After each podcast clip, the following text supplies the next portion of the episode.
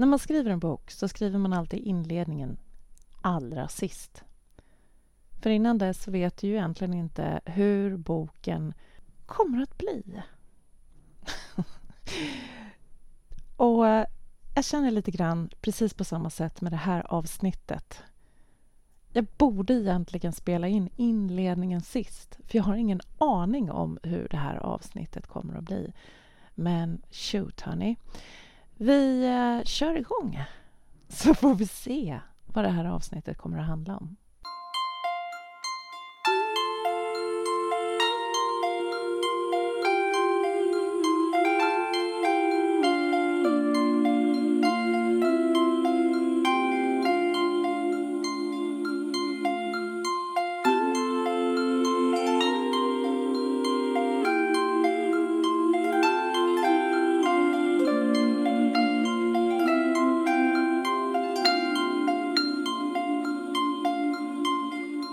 Välkommen till Självsnällpodden med Maria Helander. Jag startade en podd, Självsnällpodden, helt på egen hand för ungefär ett år sedan. Min intention med att ha det här forumet var just för att jag upplevde att vi ja, inte bara du som lyssnar utan även jag också behöver kunna lära oss att bli mer snälla mot oss själva. För att vi någonstans har fastnat i en trassel i den här världen. Ett trassel av prestation, av att göra lister, av det här att försöka att vara någon som egentligen inte riktigt vet vem det är och kanske att se till att alla andra runt omkring oss mår bra, har det de behöver och någonstans lägger märke till oss samtidigt. Så i det här trasslet så har vi tappat bort just förmågan att se till Hej, hur mår jag?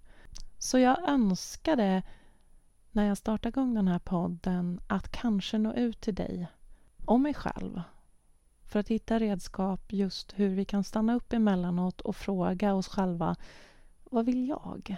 Vad behöver jag? Och kanske framförallt, hur kan jag stötta mig själv? Ja, så är det som så mycket annat när vi väl har en intention, när vi startar igång någonting, att vi ibland på vägen tappar bort oss. Vi drunknar i självkritik. Vi har andra saker som stjäl vårt intresse.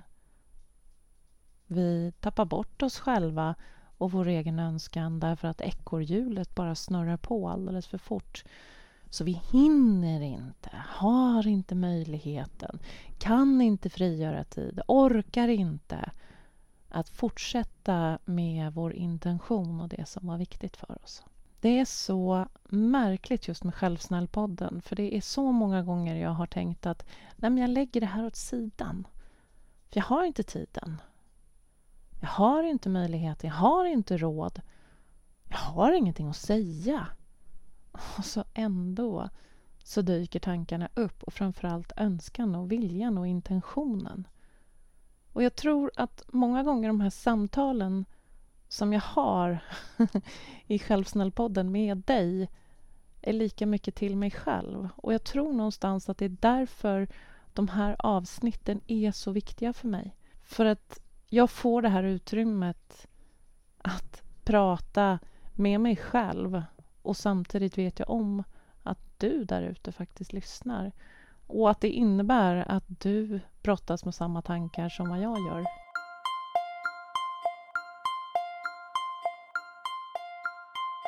Det här med självsnällhet, hörni. Som jag sa, att vad svårt det är att bara stanna upp och vända en, en ömhet, en värme och en kärlek till sig själv, en omtanke. Att det blir så svårt när vi brottas med så mycket annat i livet. Ja, 2020, hörni det året. Så jag tror att du, precis som jag, tänkte på nyårsafton 2020. Oh, det här ska bli mitt år. Nu äntligen ska jag få liksom äta frukten av allt det här som jag har kämpat med den senaste tiden.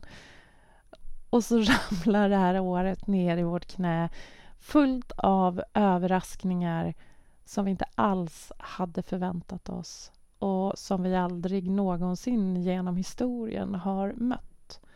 När en hel värld får brottas med oro inför att förlora sina nära och kära.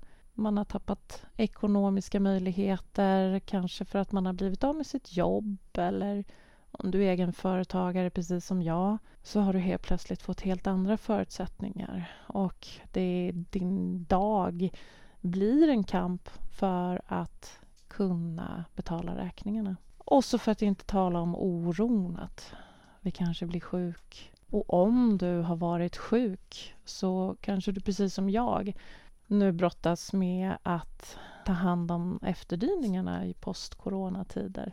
Mm. Det vill säga trötthet, ont i huvudet, yrsel, smakbortfall dag ut och dag in oh, nu var inte det meningen att det här skulle bli ett, ett gnällavsnitt. Det var absolut inte det jag var planerade när jag satte igång och pratade här.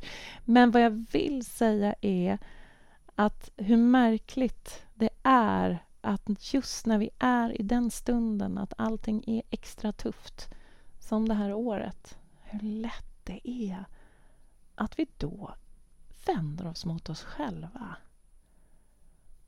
Att vi istället Istället för att lägga en arm om oss själva och säga Hej! Du, jag står på din sida. Vi tar oss igenom det här. Nej, det gör vi inte. Istället så säger vi till oss själva Men det var just typiskt. Ska du ta och bryta ihop nu? Ja, varför kan du inte ta och skärpa dig? Ja, men kom igen nu. Hur svårt ska det vara? Jaha, ska du dra upp den här gamla sorgen nu? Nu när du har så himla mycket annat att fokusera på ja, men tyck inte synd om dig själv nu mitt i alltihopa. Du vet ju att det finns de som har det värre. Här gnäller du över dina problem. Ja, men tänk på dem som pan våra pensionärer som inte har fått gå ut utanför dörren på hela 2020. Så istället för att vara din bästa vän så blir du hård mot dig själv. Och Det är just i såna stunder som som det kanske är som allra svårast att plocka upp de här redskapen som jag pratar om i Självsnällpodden. Att öva sig i att möta sig själv och säga du, nu vet jag att du kör i gamla spår igen och det gör ju du egentligen för att du vill hjälpa dig själv. Men det är inte så det funkar. Hej vännen, jag står ju egentligen på din sida. Du har ont och du behöver mig nu. Så ja, jag står på min sida. Men det är väl också ganska intressant att i de här tiderna när vi mår som sämst och har det som tuffast det är just då vi kavlar upp ärmarna och börjar på en ny diet. Eller bestämmer oss att nu minsann, nu ska vi börja träna. Eller nu ska vi skilja oss. Eller nu ska vi ta tag i och lära oss franska. Så att vi lägger in en växel istället för att stanna upp och lyssna vad det är som händer inom oss egentligen. Men det här är ju inte så konstigt att vi lägger in en växel, att vi skaffar en ny diet eller börjar på ett nytt träningsprogram eller hittar på något annat knas i livet. För att när det är som tuffast så har jag märkt, både vad det gäller mig själv men också i min omgivning, att vi ofta har två vägar att gå. Ja, jag ska inte säga att vi har, för vi har ju flera alternativ, men det är oftast de här två vägarna vi tar. Och den ena vägen är att vi skapar kontroll, stenhård kontroll över någon del av vårt liv. Som att börja äta på speciellt, träna, lära oss ett nytt språk, skaffa ett nytt jobb eller någonting. Därför att vi känner bara har jag, jag har kontroll här så kommer det kännas mycket bättre. För det är som att kontroll dämpar ångest. Och får jag bara kontroll över det här området mm, då kommer det kännas mycket bättre. Då kommer det kännas som att jag är den där personen som har kontroll över mina känslor, mitt liv, min vardag. Jag är ju hon som är fit eller som går till gymmet eller som har lärt mig franska. Så det är ett sätt som vi använder oss av när det är tufft för oss. Och det andra sättet är att vi helt släpper kontrollen och börjar ta till saker och ting för att dämpa ångesten som vi vet att vi inte egentligen mår bra av. Mm. Du vet, man knarkar Netflix eller dricker alldeles för mycket vin eller frossar i godis på olika sätt. Kanske tar upp rökningen igen. Hitta de där strategierna som dämpar obehaget ett ögonblick. Men det hjälper oss inte på lång sikt. Det tar bara bort obehaget just då när du tänder den där cigaretten eller stoppar den där chokladbiten i munnen eller häller upp det där glasvinet. Just då känns livet lite, lite bättre. Båda de här strategierna... Jaha, och jag ska väl säga så här att många av oss hoppar ju mellan de här strategierna. Kontroll och så förlust av kontroll. Kontroll och så förlust av kontroll. Vilket gör det oftast ännu mer destruktivare. Men det hjälper oss att hålla det här obehagliga borta en stund. För vad är det som är obehagligt? Det obehagliga är ju att vara sårbar, eller hur? Att lägga ut de där känslorna som vi känner av känslor av otrygghet, av sorg, obehag. Rädsla för att misslyckas. Rädsla för att någon ska säga att du inte är tillräckligt bra, inte tillräckligt smart, inte en tillräckligt bra förälder, att du borde skärpa dig. Det där, det obehaget. Eller obehaget när plötsligt någon har dragit undan mattan för dig. Din ekonomi kanske vacklar. Du kanske har förlorat en nära vän, en livskamrat, ett jobb eller och saker och ting, vardagen är inte precis som den brukar vara. Det är obehaget när du inte riktigt vet hur det kommer se ut den närmsta tiden. Du vet inte när du kommer komma tillbaka till jobbet, när du ska kunna umgås med dina vänner som du brukar. Du har ingen aning om hur det kommer att bli till jul, om du kommer att kunna åka på den här resan som du har längtat efter nu i snart ett år. Det, det där läskiga, den där känslan som det egentligen inte finns någon lösning för. Och då när vi famlar för att vi inte vill känna oss sårbara, när vi famlar efter någonting att hålla oss i, om det så är kontrollen som dämpar ångesten en stund eller om det är att vi dämpar obehaget genom att tröstäta eller fly genom att spela Candy Crush på telefonen så tar ju bara det bort sårbarheten en kort stund. Men jag vet, för jag är där också. Gång på gång så försöker jag hitta lösningar när jag tycker att mattan har dragits undan mig. Och det tycker jag, det tycker jag att det har gjort den senaste tiden, det senaste året. Jag har förmånen att ha en, en riktigt, riktigt god vän som, som jag kan ringa och beklaga mig för med jämna mellanrum. Och det är väldigt skönt att kunna göra det. För hon känner mig så väl. Och hon vet att jag sällan, väldigt, väldigt, väldigt sällan beter mig som ett offer. Men hon vet också att ibland så är det ganska skönt att få krypa in i den där offerkoftan.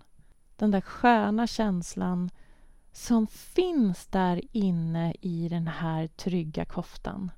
När man kan tycka och säga och berätta att det är skit just nu och det är inte mitt fel. Jag har blivit drabbad.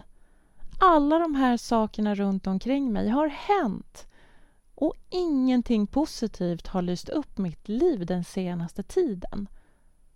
Den, alltså den känslan att få uttrycka det till henne, få säga det till henne emellanåt. Mm, det är skönt. Och varför är det skönt? Jo, därför när du kryper in i den här mjuka sköna koftan så slipper du allt ansvar. Det är just det det här offermentaliteten handlar om. Att krypa undan från allt ansvar en stund och tala om det var inte mitt fel, det var inte jag. Nu är det skit och jag kan inte göra någonting åt det. Det är synd om mig. Men i den där offerkoftan så är det ju extremt svårt att ta tillbaka ansvaret över vårt mående och över vår situation. Ja, ibland kan vi ju inte ta tillbaka ansvaret, eller hur? Det kan vara så att omständigheterna har gjort att vi sitter i skiten och det är svårt att ta sig ur. Vi kanske inte kan göra någonting åt situationen just nu. Eller? Kan du göra någonting åt situationen? Ja, där inne i koftan kan du inte det. Men det är som när jag trär på mig den här koftan och berättar om hur synd det är om mig för min vän så vet jag att jag får göra det en stund. Och jag får hennes bekräftelse på att ja, det suger. Ja, jag håller med dig, säger hon. För det mesta. Men jag vet också att jag behöver ta av mig den där koftan. Och det brukar jag kunna göra när jag har varit där en liten stund, där inne. För det är inte så himla roligt, även om det känns tryggt och skönt där en stund och eländigt. Men det är inte så kul. För jag vill ju vara den som tar ansvar över mitt liv. Jag vill ju inte ha det eländigt. Och jag vill ju faktiskt se att det är ganska mycket bra i livet också. Och där vet jag att det kan hjälpa mig att säga de här sakerna till henne och hon vet att jag kan ta mig ur skräp och elände. Men vad jag har haft störst glädje av när jag kryper in där i den här koftan det är ju min egen självmedkänsla. Det är att jag själv kan stanna upp, vända mig mot mig och säga okej, okay, det är tufft just nu. Vad kan jag göra för att stötta mig själv just nu? Det är någonting väldigt, väldigt skönt i just, i just de orden. Jag vet under all den här tiden som jag har jobbat med compassion med mina klienter um, och även med mig själv att just den frasen, hur kan jag stötta mig själv just nu? Jag har funnit att det är den mest läkande när det gäller att hitta fatt i sin egen compassion. Hur kan jag stötta mig själv just nu? Ja, just nu kanske jag behöver ta en promenad. Just nu kanske jag behöver svara på det där mejlet. Just nu så kanske jag vill hälla upp ett glas vin men vad jag egentligen skulle behöva göra för att stötta mig själv är att ringa min vän. För många gånger så har vi ett svar på just vad kan jag göra för att stötta mig själv. Men ja, visst, det är svårt. Det är svårt många gånger att plocka fram den där självmedkänslan för sig själv. Därför att du kanske är så otroligt van vid att ta fram självkritiken istället. Att hacka och slå på dig själv när det känns tufft. Du kanske är så van vid det att när du ställer dig frågan hur kan jag göra för att stötta mig själv så kommer den kritiska rösten in istället och säger att ja, jag kan ju börja med att skärpa mig. Eller jag kan ju faktiskt ta och sluta hålla på och gnälla över saker och ting och försöka och sätta på mig joggingskorna och gå ut och springa istället. Jag har blivit så himla tjock den senaste tiden. Ibland blir det ju så att den där elaka rösten kommer fram. Vet ni vad jag brukar göra ibland när det händer? Så har jag en övning som jag tycker är jättefin och jag skulle gärna vilja dela den med dig. Jag brukar lyfta på den där offerkoftan. Sätta mig ner. Ta några djupa andetag. Och så brukar jag föreställa mig själv hur jag möter mig själv som liten. Kan du göra det nu? Hänger du med mig? Kan du se dig själv som liten pojke eller flicka? Spelar ingen roll hur gammal du är, bara ta den första bilden som dyker upp. Kanske är det en situation som du har varit med om när du var liten. En situation som inte var så lätt. Eller kanske du sitter där, ser dig själv när du leker. Bara ta den bilden som kommer fram just nu.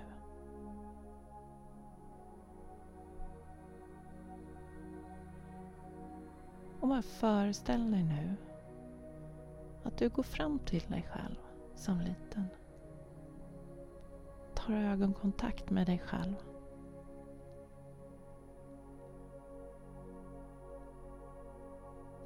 och säger hej.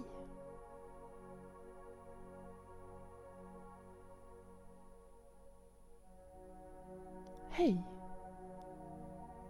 Du. Jag vet hur du mår just nu. Och jag är här för att berätta för dig att det är okej.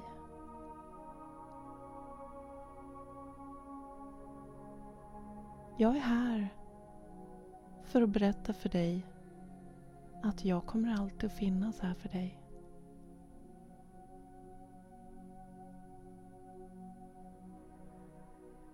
Och vad du än känner och upplever just nu så vill jag säga till dig att du är en fantastisk liten människa. Och jag vet att du gör ditt bästa. Vad behöver du just nu?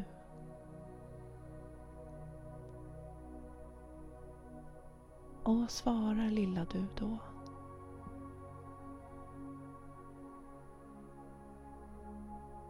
Behöver lilla du en kram? Behöver lilla du komma upp i knät?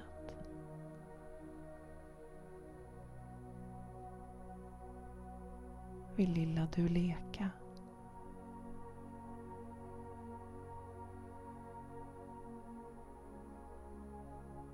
Bara se vad lilla du behöver och tillåt det. Och ge lilla dig det.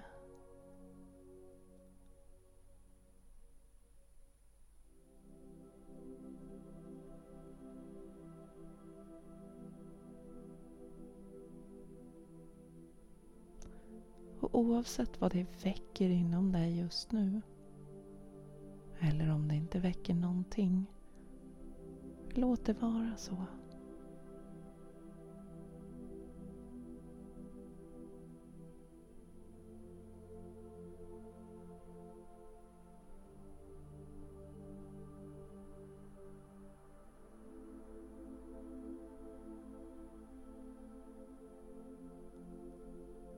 Och så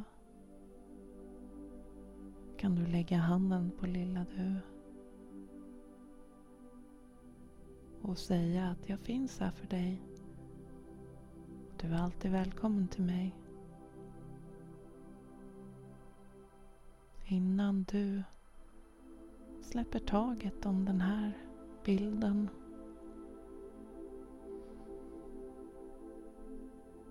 Och tar ett andetag.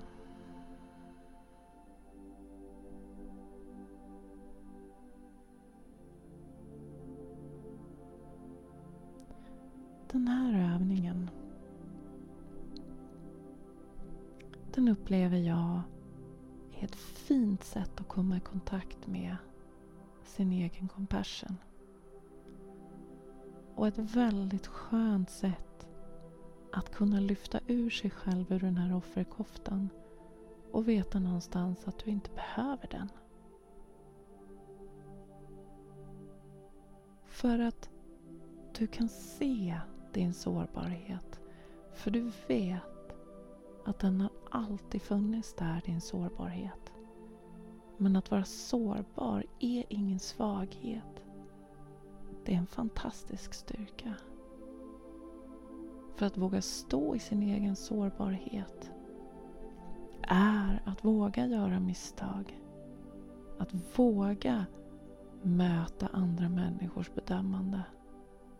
För att oavsett vilken skit man än möter, vilka människor du än möter, så kan du stå på din sida.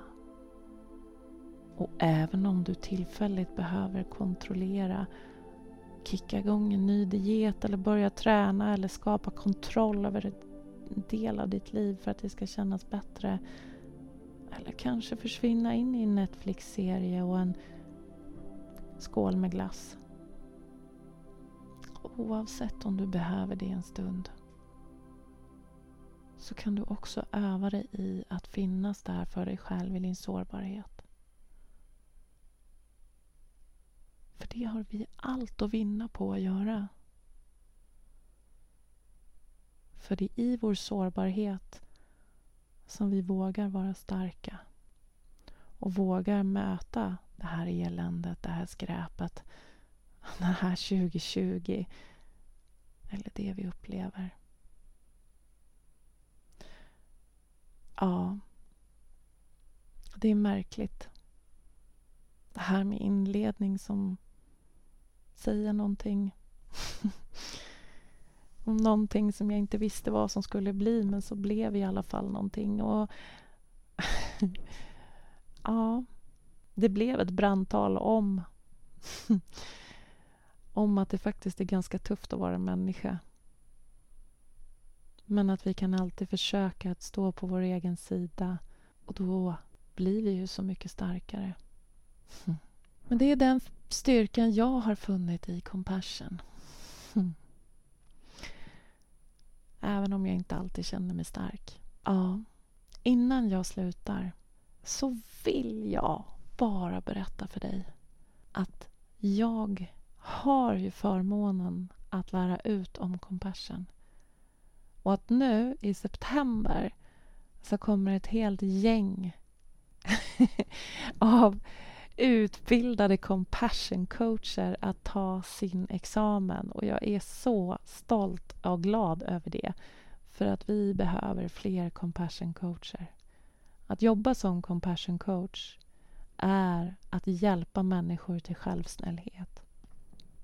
Det är att hjälpa människor att våga öppna sig för glädje och att våga ta hand om det här skräpet och den här självkritiken och det här vi möter omkring oss. En compassion coach vet hur man brainhackar och kan plocka in element som mindfulness och yin-yoga för att skapa lugn så att man orkar ta hand om sin stress, sin ångest, sin oro eller sin självkritik. En compassion coach är en person som sitter i båten tillsammans med dig.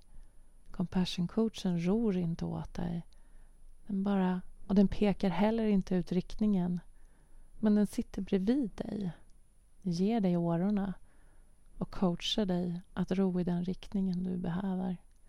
Så snart finns det fler compassion coacher i Sverige och du kanske drömmer om att få jobba som compassion coach då tycker jag att du ska anmäla dig till höstens utbildning som startar den 10 oktober.